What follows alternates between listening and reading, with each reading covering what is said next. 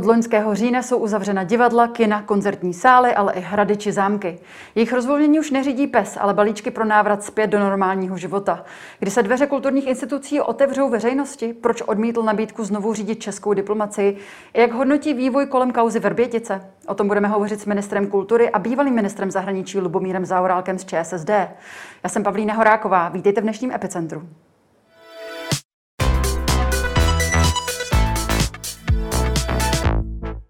Dobrý den, pane ministře, vítejte ve studiu. Dobrý den, zdravím vás. Hned v úvodu se musím zeptat, eh, před vaší zásadní tiskovou konferencí upozorňovala vaše mluvčí na to, že vám na ministerstvu smrdí krysa. Už máte na úřadě čisto, došlo k nějaké deratizaci? Ano, eh, posunuli jsme se, krysa byla nalezena, on se tam těžko dostává do toho potrubí, odstraněna, to se už nemusíme omlouvat za puch. Jsem ráda, že to bylo vyřešeno. Pojďme tedy k aktuálnímu dění. Vy jste uh, v roce 2014, tedy v době, kdy došlo k vrbětickým útokům, uh, pardon, výbuchům, byl ministrem zahraničních věcí. Do jaké míry vás tedy překvapilo zjištění, že za těmito výbuchy stojí s největší pravděpodobností agenti ruské spravodajské služby GRU? No, tak samozřejmě překvapení to určitě bylo, ale vlastně úplně stoprocentně ne, teda, protože člověk si vzpomněl, že už tehdy byli někteří, kteří říkali, tady něco nehraje. Mm-hmm. Jo, to souviselo s tím, že to bylo sice uskladněno velké množství různých výbušnin, ale nebylo to tak, že by to mohlo samo od sebe bouchnout. To říkali ti odborníci už tehdy. Tohle, když spadne, nebo když někdo praští, to prostě nevybuchne. To není normální. Takže vlastně pak si člověk zpětně vybavil, že někteří prostě poukazovali na to, že je to úplně nemožné, že to nedává smysl. A někteří dokonce už tehdy naznačovali, k tomuhle se zřejmě ještě vrátíme a zjistíme něco, co bychom se velmi divili. Ale to je už minulost, Ale takže v tom smyslu si člověk vzpomněl na to, že už tehdy to nehrálo, takže to, co teďka se vlastně se dověděli jsme se dodatečně a to, co jsme byli na tom seznámení, na tom jednání vlády, tak vlastně to pro mě bylo samozřejmě nové, ale uvědomoval jsem si, že, chápete, to byl výbuch, to nemá období, kráter 300 metrů, mrtví u toho byli, to prostě je věc, která která je, byla už tehdy naprostým ohromením. A teď se vlastně začínáme teprve dopírat, jak je možné, že se to vůbec stalo. Hmm. Vy jste právě zmínil to svědectví expertů. Um, jak tedy vnímáte s těmito všemi informacemi vyjádření prezidenta Miloše Zemana, který veřejnosti v neděli ve svém, uh, ve svém projevu oznámil, že tady se pracuje se dvěma vyšetřovacími verzemi, která jedna z nich je právě to, že došlo k samovolnému výbuchu. No, mm, tak on už to komentovali jiní, že jo, komentoval premiér, minister vnitra a další a celkem, myslím, oba všichni odmítli tu tezi, že máme nějaké dvě verze. V tom vystoupení pana prezidenta se projevila ta jeho tendence nebrat jednu ze spravodajských služeb jako partnera v tom vlastně se něco opakuje, co už se opakuje delší dobu. Že já si pamatuju tady tyhle výhrady prezidenta vůči jedné ze spravodajských služeb mají dlouhou historii. A v tom vystoupení jsem si uvědomil, že opět na tomto stanovisku se trvává, což je, eh, což je mrzuté, protože důvěra ve spravodajské služby je docela zásadní věc a jako podkopávat ji v zemi, to si myslím může neprospět velice. Ale tady vlastně nešlo jenom o spravodajské služby. Tam šlo o kooperaci mezi policií, spravodajskými službami, státním zastupitelstvím. Na jednání vlády, kde jsme seděli, tak jsme dostali stanovisko všech těchto tří složek. A ten největší spis je ten policejní, který nikdo z nás neviděl a nemůže vidět. Ta policie má celou řadu informací. My vlastně i na tom jednání vlády jsme dostali jenom nahlédnout do obrysu ale těch faktů, indicí bylo obrovské množství. Takže tohle, když jste vyslechli a absolvovali i s otázkami, které jsme kladli, tak jste si udělala poměrně dobrý obraz události s tou vysokou pravděpodobností toho, že člověk ani vůbec nepochybuje, že to prostě nebyla náhoda, to nebyla. A já vlastně tu myšlenka nedbalosti, to neobstojí, už protože to byly dva výbuchy vzdálené od sebe v čase. Takže to je, myslím si, jestli někdo na tohle v minulosti myslel, tak to už je, v tom vyšetřovacím spise je evidentní, že žádná taková nedbalostní verze neexistuje.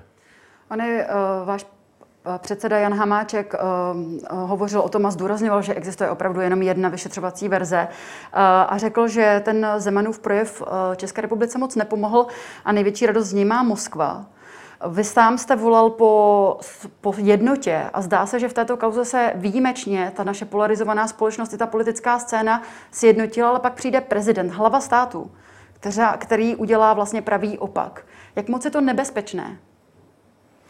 Nebezpečné, to je výraz, já už jsem to zažil, víte, když to poslouchával, jste si společně zažil, to byl ukrajinský konflikt tehdy, jestli si vzpomínáte před lety, já jsem byl s panem prezidentem na summitu NATO a vzpomínám si, že on tam, i když jsme byli vlastně ve shodě v těch vystoupeních oficiálních, které byly, ale pak, když prezident vyšel ven, tak tam spochybnil to, že Rusové nějakým způsobem ingerují do toho oblasti Donbasu. Že?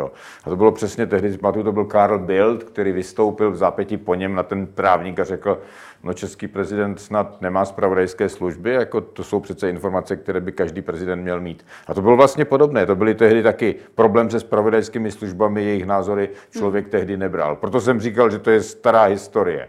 No a tak, také jsem z toho byl tehdy přepadlý, protože Vlastně naše pozice byla jasná k té věci, byli jsme součástí i určitého tělesa tehdy Evropské rady a bylo to jednání aliance tehdy, kde se, kde se vlastně o tom mluvilo. A tohle vystoupení pana prezidenta vybočovalo poměrně velice z řady a nebylo v souladu s tím, co jsme tam jako eh, republika hájili. Na druhé straně, já si myslím, že tady je dnes podstatné to, že existuje jasná pozice vlády, že, kterou jasně formuloval eh, premiér i místo předseda vlády a v té době i minister zahraničí v té chvíli, a také, že to dostalo podporu sněmovny. Hmm. To já pokládám za velkou věc. Sněmovna jasnou většinou se postavila k tomu modele stanovisko, kde v podstatě se úplně jasně řeklo, tohle si tady nebude nikdo dovolovat. Tady nám někdo opravdu taštil nás do obličeje a to je chování, které je pro nás naprosto nepřijatelné a z toho musí se vyvodit důsledky. A dokonce bylo i jasně naznačeno, že se to netýká jenom České republiky. Tady prostě, a pak se objevilo, že podobné výbuchy byly třeba v Bulharsku a podobně. Bylo to v době toho konfliktu na Ukrajině a najednou se ukázalo, že jde o to, co my strpíme, aby se k tomto prostoru střední a východní Evropy dělo a jak budeme tady e, se hlásit k tomu, že jsme svrchovaní a suverénní v tom, že na tomto území si nikdo nemůže dovolit žádná cizí síla dělat uh, sabotáže, agresivní kroky, které zabíjejí naše občany. Ať už to bylo, tak jak se to stalo v případě letadla MH17 mm. Holandianům, kteří ztratili spoustu lidí se střelením letadla. Tady to na, naštěstí nebyly stovky, ale moc nechybilo, mohl to být taky. To znamená, tohle je podle mě úplně zásadní věc v tatové státy, stát, který má nějaké sebevědomí, musí říct jasně, tohle nestrpíme. A to, že jsme se na tom zhodli a ta jednota tady je podle mě úplně klíčový požadavek. Já si myslím, prezident mě mrzí v tom stanovisku, kterým to tak postmoderně roz rozmělnil, ale nemůže to nic změnit na tom, že Česká republika tady podle mě formuluje jasné stanovisko, oslovuje ty svoje spojence a partnery a sousedy. Já jsem přesvědčen, že to nebude mít vliv na to, že dostaneme jejich podporu. A to nejenom tím, že budou třeba nějaké vypovídat diplomaty. Já už dneska vidím, že ta podpora je v celé řadě dalších věcí. Je zajímají ty informace, které jsme tady získali, mm. je zajímají ta jména, je zajímá celá řada souvislostí, protože to spojí s tím, co se stalo třeba u nich. A vidím už to, že ta určitá podpora se může dít různým způsobem, protože tady sdílíme něco a sdílíme tady určité ohrožení ohrožení, které si oni uvědomují, se opravdu netýká jenom České republiky. A to je spolupráce potom celé dalších složek, včetně spravodajských služeb, diplomacie, a to už běží. Takže já si myslím, že takhle my jsme schopni vybudovat to podstatné. Na základě jasného stanoviska státu získat alianci těch, kteří eh, se s tím ten příběh žijí s námi. Hmm. Zmínil jste tu jednotu. Asi se shodneme na tom, ale že prezident České republiky podle ústavy má hlavně reprezentativní funkci, reprezentativní úkoly. Tudíž jestliže on tu jednotu podkopává, což ten projev pravděpodobně se shodneme i na tom, že jednoznačně udělal, tak nahrál tady prezident České republiky propagandě a poškodil naší zemi tak, jak, tvoří, eh, tak, jak tvrdí někteří senátoři. No, no tak eh, já jsem řekl, že mě to mrzí a myslím si, že to opravdu škodí. Mm-hmm. Nemyslím si, že to je fatální a že nás to znehybňuje, to určitě ne, protože ta pozice je formulovaná jinde jinak, jako zásadně jako pozice republiky, ale nepomáhá to. No a hlavně to, co jste zmínila, ono to nahrává na to, na to si okamžitě velmi ochotně naskočili některé servery že jo, a ruské, ty, kteří to rozjeli kolem toho ve velkém stylu. No, Leonid mě... Slucký eh, dokonce volá potom, že by se Češi měli omluvit za to zhoršení vztahu.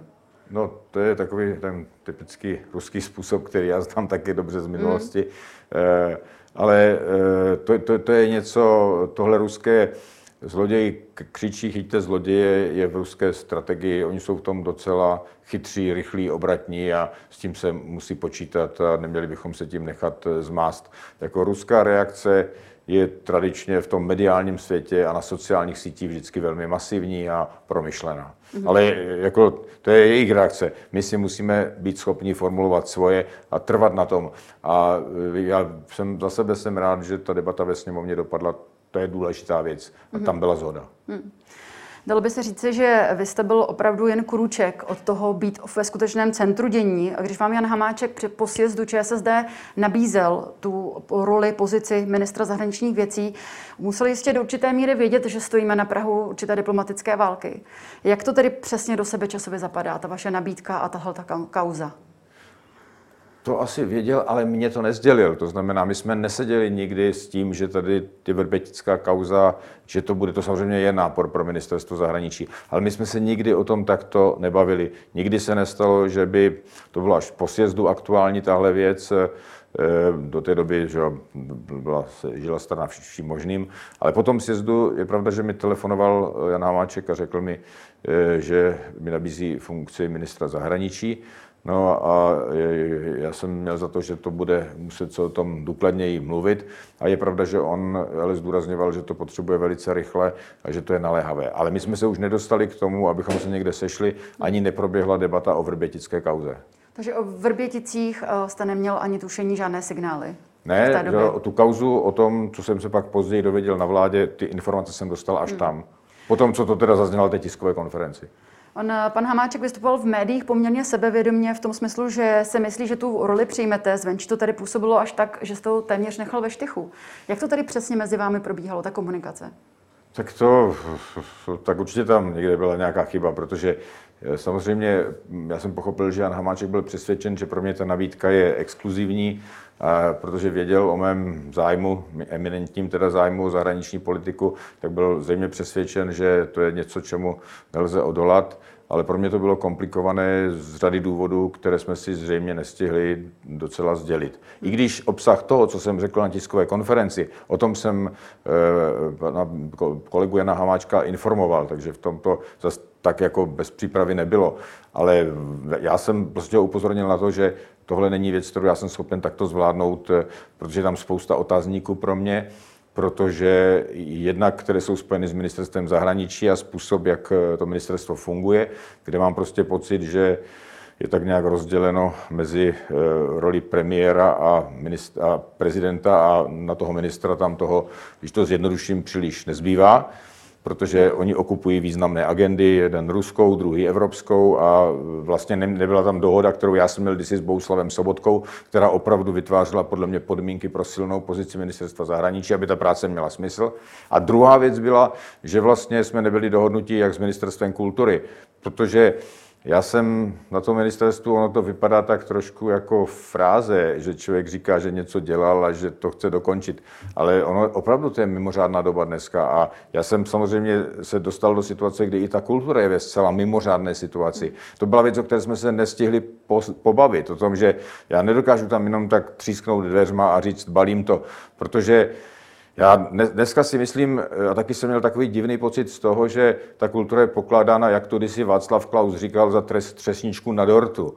A mě, mě to prostě připadalo zvlášť té krizi, že se ukázalo, že ta kultura je no třeba i pro zdraví země, pro mentální zdraví země strašně důležitá. Jako kdybychom to právě v té krizi poznali, mm-hmm. že vlastně najednou, když žijeme bez kultury, jako v té pohádce Sůl nad zlato, kdy se řeklo, že sůl je na nic, tak ji vyřadíme, no ale pak zjistíme, že ten život nechutná, jako že se nedá, tak ta kultura je podobná. Tak tady jsme o ní hodně přišli. Neříkám, že úplně, zůstalo nám něco online, a, ale jako vlastně ten, ten kultur, ta kultura, která je potkáváním lidí, a kultura je strašně významně setkáváním lidí, to jsou dokonce vztahy navazované mezi lidmi, ta kultura to umožňuje na všech těch To divadle. Už se, to už se dostáváme znamená, trošičku jinam. Ale ne, já jenom ale vysvětluju, hmm. že, já jenom vysvětluju, že eh, najednou to, to není to poslední v našem životě. A já jsem si uvědomoval, že když jsem v tomhle něco začal, hmm. zhánět prostředky pro to, aby ta kultura přežila, když jsme pracovali na tom uvolňování, v nelehké situaci dochází k výměně ministra zdravotnictví.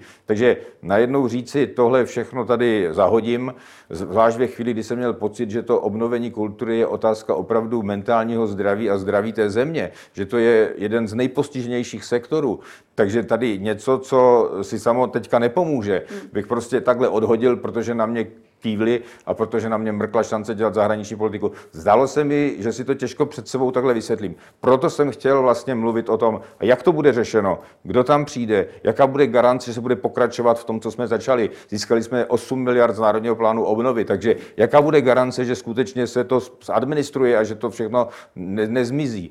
To znamená, já jsem říkal, já potřebuji 14 dní vyjasnit si, jak to bude na kultuře, jak to bude e, s tím, jak budou ty programy pokračovat a zároveň si vyjasnit, vyjasnit, co bude vlastně obnášet ta role ministra zahraničí. Hmm. Musím mluvit s prezidentem, musím mluvit s premiérem. A na to Samozřejmě, čas. no, protože byli v Vrbětice, o čemž já jsem nevěděl, hmm. tak Jan Hamáček na tohle čas neměl. Hmm. Proto jsem musel rozhodnout jinak. A samozřejmě, že jsem ho asi dostal v tomhle do nepříjemné hmm. situace, ale bylo to tak, že jsme v jisté chvíli jsme si nedokázali sdělit docela zásadní věci z těch dvou stran. Takže jsme, jak já jsem říkal, na sebe narazili, pak jsme si sedli a vyjasnili jsme si to. Politika je těžká věc, to se stane lecos. Takže jako vztahy a... už máte teď, je to všechno v pořádku, vyjasnil jste si to? A je to, to patří k tomu provozu politického hmm. života, není jednoduchý a je tvrdý a často vlastně se lidi se takhle nedohodnou, ale ten úkol je, aby to zvládli, jako se někdy, já jsem říkal, někdy v rodinách se nedohodnou, ale musí se sednout a najít cestu z toho ven a pokračovat, protože nás čeká pořád hrozně moc práce. Hmm. Jaké velké překvapení pro vás tady byla volba zrovna Jana Birkeho, starosty Náchoda, poslance ČSSD? Eh, byl by, správ, byl by dobrým ministrem kultury z vašeho pohledu? Má na to dostatečné zkušenosti? Já u toho jsem nebyl. Ani s Janem Birkem jsem o tom nemluvil. A vlastně nepochybuju o tom, že Jan Birke je velmi úspěšný starosta, že dělá celou řadu věcí ve kterých se hodně angažuje od bydlení, ale vlastně o kultuře jsem se s ním nikdy nebavil. Hmm. Že když jsem říkal vyjasnit si kulturu, tak jsem chtěl vědět, co to znamená, nejenom jmenovitě, ale i obsahově. K tomu nikdy nedošlo. A v tom si myslím taky byla chyba, kdyby se něco takového mělo odehrát, tak se to podle mě muselo odehrávat jinak a člověk musel získat pocit, že to nepřidává s tím, že zítra má na to zapomenout. Hmm. Nový ministr zahraničních věcí Jakub Kulhánek nastoupil do své funkce tady a hned v první den vyhlašoval ultimáta jedné z největších velmocností světa, uh, velmocí světa.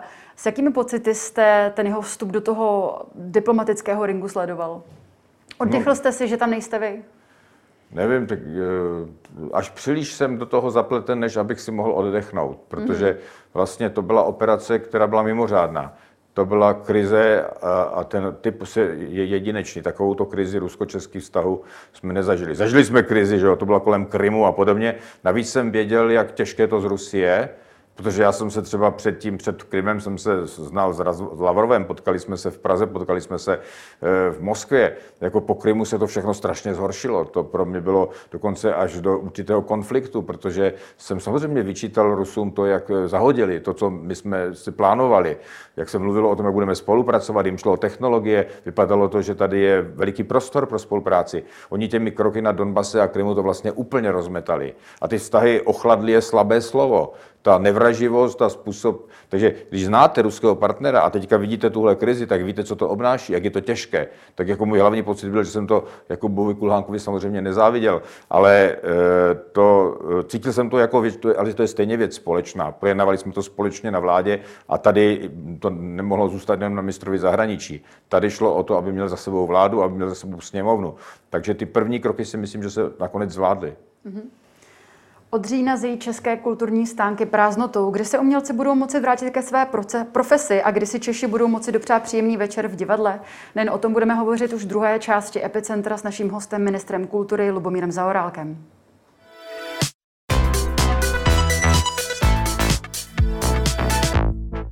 Tak spokojený, tak přece s tím nemůže být nikdo spokojený, protože je to strašné tady, jak sedíme s těma rouškama a vlastně celý ten život je strašně komplikovaný. A dokonce pamatuju si, že když to projednáváme na vládě, tak eh, nejčastější komentáře, které zaznívají i z úst členů vlády, Pamatuju si, eh, i, premiér to komentuje slovy, v tom by se ani divá svině nevyznala.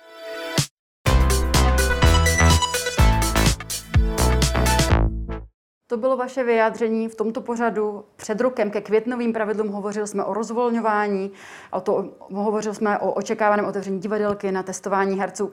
Jak jsme na tom rok poté? Už se v To tom... mi říkal premiér, abych eh, neříkal ty jeho výroky z vlády takhle Mhm. veřejně. Ano, že A už to, se v tom ta divá svině vyzná? Ne, opakuje se ten výrok často, to znova prásknu, ano. Jako, ale jen ano, protože to je pořád vlastně, ta opatření znovu jsou vlastně, znovu na nich pracujeme. Podobně už teďka zaplať pán Bůh se scházíme na vládě fyzicky, což je obrovská pomoc, moci spolu komunikovat jinak než online, ale se v tom nacházíme, tady v tomhle připravování opatření. Víte, že ten pes, který jsme připravili, tak v lednu padl, protože přišla nová mutace, že britská, a teď se k tomu vracíme. Má to jinou podobu, říká se tomu balíčky. No a pro mě je teď strašně důležité, aby tohle spatřilo co nejdřív světlo světa, nejenom v téhle obecné podobě, ale především pro kulturu. Přece jenom za tu dobu pandemie jsme vystřídali čtyři ministry zdravotnictví. Mě by zajímalo, co ten nový ministr zdravotnictví Petr Arenberger. Um, jste s ním spokojenější, je s ním lepší komunikace? Je brzo na hodnocení, je tam krátce eh, a pro nás je to těžký, protože přece jenom je to daleko jednodušší, když máte stabilitu v tomhle větší. Ministerstvo zdravotnictví je to, na které se nejvíc toho valí a e, musíte znovu vytvořit ty komunikace nejenom na úrovni ministra, ale i na těch dalších, vytvořit pracovní skupiny. Že to není jednoduché a, a to je to, je to, z toho člověk nemá radost z toho, že vlastně to je jako kdyby přidaná další práce. A vysvětlit znovu to, oč jde v kultuře, to, co jsme udělali u všech těch, tak to vlastně absolvujete znovu. Takže v tom to není snadné a někdy si člověk zoufá. My jsme to teďka udělali tak, že jsme poslali ministerstvu zdravotnictví takový balík na uvolnění, obnovení kulturního života. Mm. Podle toho, co nám řekli epidemiologové, hygienikové, jsme to dali dohromady a protože jsme marně pořád bušili, tak jsme to poslali tento týden a řekli jsme, že do pátku chceme odpověď. Prostě jestli tato podoba ano, nebo když to nějak upraví, protože my strašně potřebujeme příští týden té kulturní obci sdělit. S tímhle můžete počítat. Mm-hmm. Já vím dobře, protože s nimi mluvím, pro ně tady tenhle život v tomhle zvláštním intermecu bez časí, kdy neví, co mohou dělat v květnu, v červnu, kdy vlastně jak jsem tady říkal, že ta kultura je solí života, ona vlastně je spojena s tou obnovou zdraví i téhle země, tak vlastně člověk jim musí víc stříc, protože obnovit kulturu, obnovit koncerty, obnovit kousek nějakého divadla, hlavně venku, jako ten život lidí, kdy se lidi mají šanci potkat. Včera jsem šel večer tady někde po Praze a viděl jsem, jak se tam už lidé scházejí u kytary na kampě, takže ono to vlastně funguje skoro by to bylo asi ještě za hranou toho, co je povoleno, ale vlastně živelně se to jako kdyby děje a my proto musíme vytvořit pravidla, nemůžeme dovolit, aby se prostě ti lidi začali scházet bez nás, protože už to nevydrží. A je to normální, jako ten život z práce do práce nebo zavřený doma, jako teď je to na palici. To znamená, proto jsem se obrátil teďka na ministerstvo zdravotnictví s tím, že chceme, opravdu urgentně chceme na tohle názor. Já vím, že nejsou schopni všechno předpovědět, ale to ten Boris Johnson taky nebyl schopen, nebo Izraelci, ale dali ten program dohromady a ten výhled zpracovali. My ho strašně potřebujeme dostat. Já bych si přál, aby příští týden jsme něco takového dokázali vyexpedovat. Vy jste řekl, že mají na to čas do pátku. Co se stane, pokud se k tomu do pátku nevyjádří? Ale já věřím, že se vyjádří, protože s nimi o tom neustále mluvíme a protože dneska budeme mít vlastně vládu a minister nespochybňuje tady to. Akorát jde o to, aby všechny ty kola se tam roztočily a aby se to zadministrovalo a aby se bylo vědomí toho, že to nelze odkládat, že to je opravdu důležitá věc.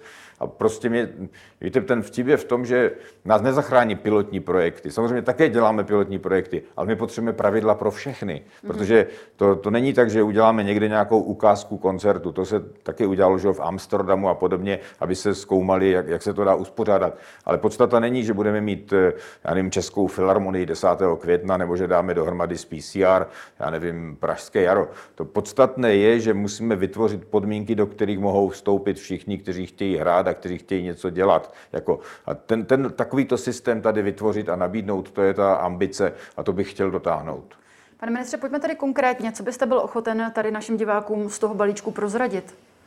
Který prozradit, tak ono to je to, co nemůžu prozrazovat, protože tohle je prostě draft, čo? to je návrh něčeho, hmm. co já bych si přál, aby nám zdravotnictví schválilo. Rozumím a... tomu dobře, že tam máte třeba například i počty lidí, diváků do, do divadel, jsou tam podmínky testování a podobně. V vnitřních prostorách, mm-hmm. jsou tam testy, to musí prostě to zdravotnictví rozhodnout, jaké typy testů, protože já si nemyslím, že lze dělat akce na PCR testy, které jsou velice drahé, jako a to vlastně málo kdo zaplatí. To se dá udělat výjimečně, když si Česká filharmonie sežene sponzory, tak se jí to povede. Ale jinak prostě to není pro normální kulturní život. Takže eh, prostě najít takový typ podniku a takový typ toho zajištění hygienického, aby to bylo proveditelné, aby se to aspoň trochu rentovalo, aby to pro toho hudebníka třeba mělo smysl. Mm-hmm. Takže o tom se s nima bavíme. My zhruba známe asi obrysy toho, co je pro ně to, kde by to dávalo smysl. Oni by mohli začít něco dělat a tohle chceme, aby se potkalo s těmi podmínkami uvolňování. Hmm.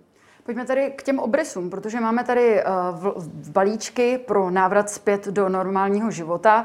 Části lidí možná udělat radost už dnes, eh, protože bychom se mohli dozvědět, zda se otevřou tady ty galerie, muzea, další památky a v kterých regionech. Jak se na toto rozvolnění tady připravujete? Které ty regiony by ti měly být ovlivněny? Tak ty některé jsou na tom opravdu lépe, takže my víme, že od pondělka 3. se budou moci zřejmě otevřít galerie, muzea, nebo památky, kde nejsou skupinové prohlídky, ale to se týká regionu, jako je Plzeňsko, Hradecko, Královsko, Karlovarsko. Mm-hmm. To, oč budeme dneska jednat, o čem budeme jednat, je Praha a střední Čechy a tam teda to po mně nechtějte, protože ten vývoj tam tak jednoznačný není. Já si dneska poslechneme si hlavní hygieničku, mm-hmm. paní Srčinovou, prostě to bude její stanovisko, které bude pro nás důležité. Takže bylo by to pěkné, kdybychom mohli, ale já vám nemohu tady dneska nic říct, protože bez toho, že to projde dneska vládou, bez toho, že si vyslechneme, jak ten, jak ten vývoj vypadá, tak vám nemohu říkat, že se něco bude otevírat. Ale řeknu toto, pokud by se to neotevřelo teď, mm-hmm.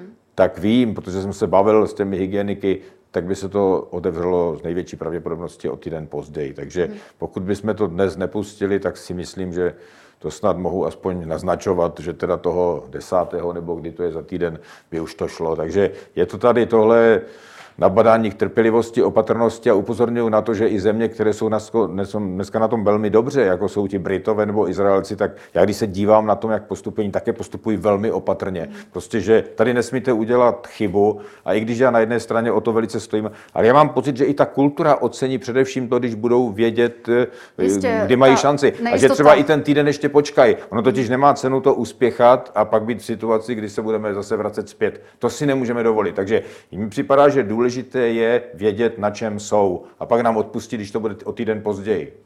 Přece ale pokud se dnes rozhodne, které ty regiony budou moci otevřít, ehm, nedá, přece to nedává moc prostor těm kulturním institucím, kterých se to týká, prostor na přípravu. Nebo myslíte si, že je dostatečný? No, Opravdu no, je v pondělí tak, jsou připraveni otevřít? To je tak vymyšlené, že my v pondělí vlastně jim sdělujeme, k čemu se to tak schyluje a co by mohlo být, a ve čtvrtek to potvrdíme. Mm-hmm. To se dělá právě proto, aby byl ten čas na přípravu. Jo, takže my třeba v pondělí řekneme, ve čtvrtek se budeme zabývat Prahou a středníma Čechama, u kterých to vypadá, že by to mohlo jít, ale ve čtvrtek nám řekneme, jestli skutečně Praha a střední Čechy do toho spadnou. Mm-hmm. Takže oni se na to můžou připravovat, no a když by to náhodou nevyšlo, tak budou muset týden počkat. To si myslím, že na tu přípravu vytváří určité podmínky. Mm.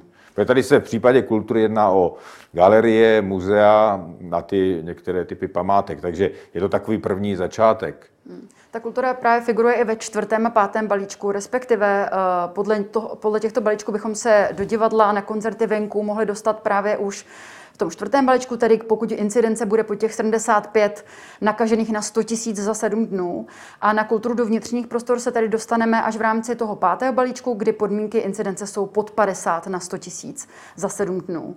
Máte tedy nějaké signály nebo pracujete s ministerstvem zdravotnictví nějak interně na určitých datumech pro uvolnění toho čtvrtého, pátého balíčku?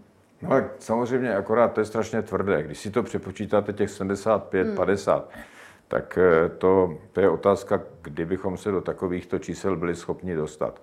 Je, je možné, že v některých zemích to vidím, že strategie taková, že nejdou až do takového totálního potlačení toho viru, ale vytvoří nějakou hladinu na té úrovni, já nevím, 100, 150 a podobně. A jestli je to tak, že se to na téhle hladině dá udržet, a jestliže prvního šestý platí, že vlastně budeme mít vyprázdněné ty nemocnice, že to mi, to mi říkali, že tady to je, když bude takhle to klesat, tak prvního šestý se nám podaří udělat ten velká věc, že už nebudou ti covidoví pacienti zatěžovat všechny ty, ty oddělení bydlení. Takže pak se vytvoří jako kdyby normální stav. A pak, když se vytvoří určitá hladina, tak je otázka, jestli musí být těch 75-50, což je strašně tvrdé. A to mi pak hrozilo by, že to dosáhneme Bůh ví kdy. Takže to, o čem se budeme bavit, je, jestli nepřijmout model, který mají v některých těch zemích, které jsou na tom dobře, kde to je, řekněme, spíš těch 100 nebo a, a už do toho tu kulturu, třeba venkovní kulturu, venkovní kulturu koncertů, divadel, nějaké restaurace, pustit prostě v téhle fázi s tím, že to bude mít pod kontrolou, že to nebude znamenat zvyšování. Protože, chápete,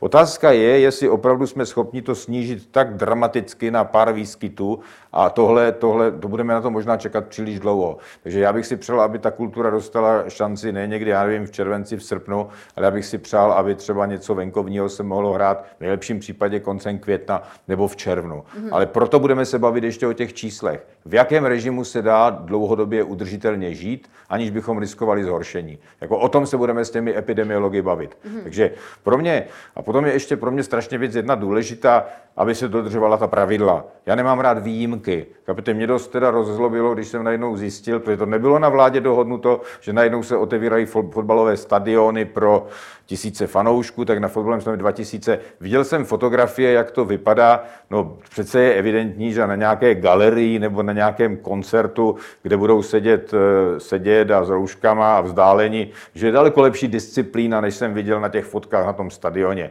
Takže mně připadá tohle neúplně fair, mm. protože jednak jsme se na vládě dohodli, že preferujeme děti, preferujeme děti školy, na tom to jsme všichni odsouhlasili, že preferujeme děti školy a nemůžeme jenom tak něco pustit, co nám to podkopává protože to pak ochuzujeme ty děti a školy. A kultura je na tom taky byta, protože když to někde pustíte vlastně, tak tím vlastně tu kulturu držíte bokem, protože on na úkor její prostě se ten virus bude šířit prostě někde jinde. Zatímco u nás byt jsme to udrželi v daleko podmínkách méně nebezpečných. Takže to je rozhodnutí, o kterém se chci dneska také bavit, protože já mám pocit, že tyhle výjimky jsou jedovaté a že jsou špatné. Vyvolává to zlou krev, a zároveň je to mimo ten systém. Já říkám, ty pravidla musí platit pro všechny stejně, nikdo by neměl být zvýhodňovaný a žádná privilegia prostě v tomhle. Jako dohodněme se, ta kultura je také postižená jako ten sport, jedna z těch oblastí, kde se lidi setkávají a prostě nelíbí se mi to, pokud najednou se dovím, že někdo má extra výjimku. Mm-hmm s, s, tím, že víte všechny tyhle ty informace, které jste dnes tady řekl, že byste chtěl, aby se tedy rozvolnilo na konci května nebo začátku června místo toho konce prázdnin. Um, myslíte si, že je tedy reálné, že se vnitřní prostory divadel otevřou do konce sezóny vůbec? Vnitřní prostory divadel do konce června už podle mě těžko otevřeme, jako takové to hmm. pravidelné divadlo, protože já si neumím představit, že by takové to pravidelné divadlo mohlo existovat, aby ti lidi se museli podrobovat pravidelným testům a podobně. To se dá udělat u jedné akce nebo u nějaké třídenního festivalu menšího v létě, ale tam se dá používat testy. A navíc eh, jde o to, abychom vytvořili ten systém, že ten TNO, to znamená testy, nemoc, eh, očkování. Tak hmm. aby existoval ten COVID pas, do kterého tyhle údaje vstupují, už to funguje v některých zemích světa, je to bohužel teda v každé zemi se mi zdá různé, ale jde o to, abychom i my vytvořili systém, který umožní těm, kteří budou splňovat jednu, druhou, třetí věc, nebo si přinesou negativní test, pokud nebudou očkovaní, aby vlastně dostali možnost navštěvovat takovéto akce. Takže maximálně zjednodušit to, aby ty věci se mohly konat a byly dostupné. Jako a tohle by, opakuju, ono to musí být pravidlo pro všechny. Nemůže to být tak, že někdo dostane výjimku. Jako to, to je to, co se budu snažit prosazovat. Hmm. Jste zmínil ty testy. Jak to tady bude s testy? Momentálně je kolem testování v rámci vůbec pondělního rozvolnění služeb poměrně chaos. V pondělí jsme se dozvěděli, že ke kadeřníkovi uh, bude potřeba tady test odběrového místa. V úterý večer už se to zase měnilo a stačí, stačí testy uh, ze zaměstnání. Andrej Babiš pro deník Blesk uvedl. Byla to reakce, kdy jsem křičel a strašně moc jsem křičela, protože to nemělo logiku. Tam dali úředníci úplně nesmyslně a ministerstvo to hned večer změnilo. Jak často se na vládě křičí? Tak ne, to tak hrozné to není. Na posledních dvou vládách se moc nekřičelo. Ale, ale tak eh, samozřejmě to pro kulturu platí stejně. PCR testy jsou strašně drahé. Pokud jsem to už říkal, pokud Česká filharmonie si dovolí výjimečně to udělat s PCR testy, jako ten pilot, teda, který mm. neděláme mnoho, jenom výjimečně, tak, tak, on, tak možná se sponzory... Jste řekl, že nemá rád, rád výjimky, ale tady zrovna tohle bude výjimka, že? No, oni ty piloty někdy můžou být, to, to se může stát z těch pilotů zástěrka pro výjimky, jo, že? Hmm. když jich bude plno, ale já říkám, pilot je něco výjimečného, to je něco, co něco zkouší opravdu, tak jako to dělali ve světě, já nevím, v Barceloně nebo v Amsterdamu, kde udělali takovou akci, kde zkoušeli, jak to funguje, hmm. ale nepleťme si to, že najednou bychom zjistili, že to má 10 těch podniků výjim, jako, nějakou, jako nějaké piloty. To pak, to pak nejsou piloty, pak to jsou výjimky. A to já nechci. Hmm. Já chci, aby piloty se dělali výjimečně, řekněme, dokážu to vysvětlit v případě České filharmonie, která je výjimečné těleso, které navíc má velkou možnost sehnat si sponzory, které každý nemá, a ti dokonce jsou schopni pokryt ty PCR testy třeba, hmm. které jestli taky běžně může někdo používat na kulturní akce. A to je Tam koncert, si... který bude už eh, v půlce května? Ten se plánuje 10. května. Hmm a ten koncert České filharmonie, o kterém mluvíme. A tam už ty hygienické poměry máme poměrně stanovené, ty budou poměrně velmi tvrdé a opravdu, kdyby to, to, to toho se asi málo kdo vejde. Ale tohle je výjimečné těleso, řekněme, s velkými možnostmi. Ale to není běžný život kulturní. Hmm. Jako, ale PCR testy podle mě nebudou použitelné takhle v, tom, v té kultuře běžně, protože když se dívám i na ty snížené ceny, to je strašně vysoké všechno, to kdo by to zaplatil. Takže my potřebujeme vytvořit systém, ve kterém to bude přece jenom cenově trochu zvládnutelné, tam asi jsou myslitelné pouze ty antigenní testy. Budete tlačit i na to, aby se používaly samotesty? Samotesty, ty jsou spochybňované. Mm-hmm. To se mě ptáte jako nějakého hygienika. Oni to spochybňují, Já že to není, jako no. ministra kultury, co vy pro svůj rezort byste doporučil? No, e, tady to nebude záležet na mě. My se díváme na cenu, na to, co je proveditelné pro ty, kteří tu kulturu dělají a v tom se budeme snažit hmm. nějak moderovat. A e, za to slovo, co se týče těch typů testů, budou muset mít prostě odborníci. To hmm. nemohu rozhodovat já. No na rozdíl od průmyslu eh, byly ty kulturní instituce opravdu hermeticky uzavřeny prakticky od října. Um, a mnoho z nich má existenční problémy. Zajímalo by mě, to trošičku už zmínil, ten, tu problematiku nákladů. Kdo tedy bude krýt náklady za ty testy? Tak, Půjde to za institucemi nebo pomůže nějakým způsobem stát? Tak eh, u, u, těch, u těch testů já nedovedu si teď představit, že bych ještě, kdybych vzal peníze na to pokrývání těch testů, jako to se přiznám, že na to těch peněz ubývá. Jako, a když chceme platit kompenzace těm, kteří jsou zablokovaní, protože my máme program, jsme měli pro osoby samostatně výdělečně činné, který byl na únor březen. Teďka jsem vlastně jednám pořád neustále s paní ministriní financí, jestli bude dělat kompenzační bonus pro ten další měsíc. Když ne, tak to budeme muset dělat sami. Takže nás čeká to, abychom peníze dávali těm, kteří nebudou moci pracovat. Jo. Mm. Takže, to je, takže pro mě nelze tak jednoduše slibovat že bychom pomáhali i s těmi akcemi. Eh, já budu rád, když se vytvoří systém, který bude prostě zvládnutelný pro ty podnikatele natolik, aby do toho šli, aby jim nějak ta kalkulace trochu vyšla. Hmm. My se snažíme vytvořit podmínky tak, aby tam z hlediska... My s nimi vlastně bavíme se o tom, my se s nimi bavíme o tom, o těch počtech a tady to, tu tabulku, kterou předkládáme, tak tam oni s těmi testy počítají. Takže vlastně eh, řekněme, že to, co navrhujeme, je po dohodě s těmi chystajícími se pořadateli. Takže věřím, že oni za těchto podmínek jsou schopni to udělat. A v rámci toho, co chystáte, počítáte s tím i s nějakým postupným navyšováním počtu diváků podle epidemické situace? Přesně, to tady máme. To právě samozřejmě v těch různých balíčcích, mm. podle toho, jak je stupeň uvolňování, tak samozřejmě předpokládáme, že by rostly ty počty jak venku, tak uvnitř.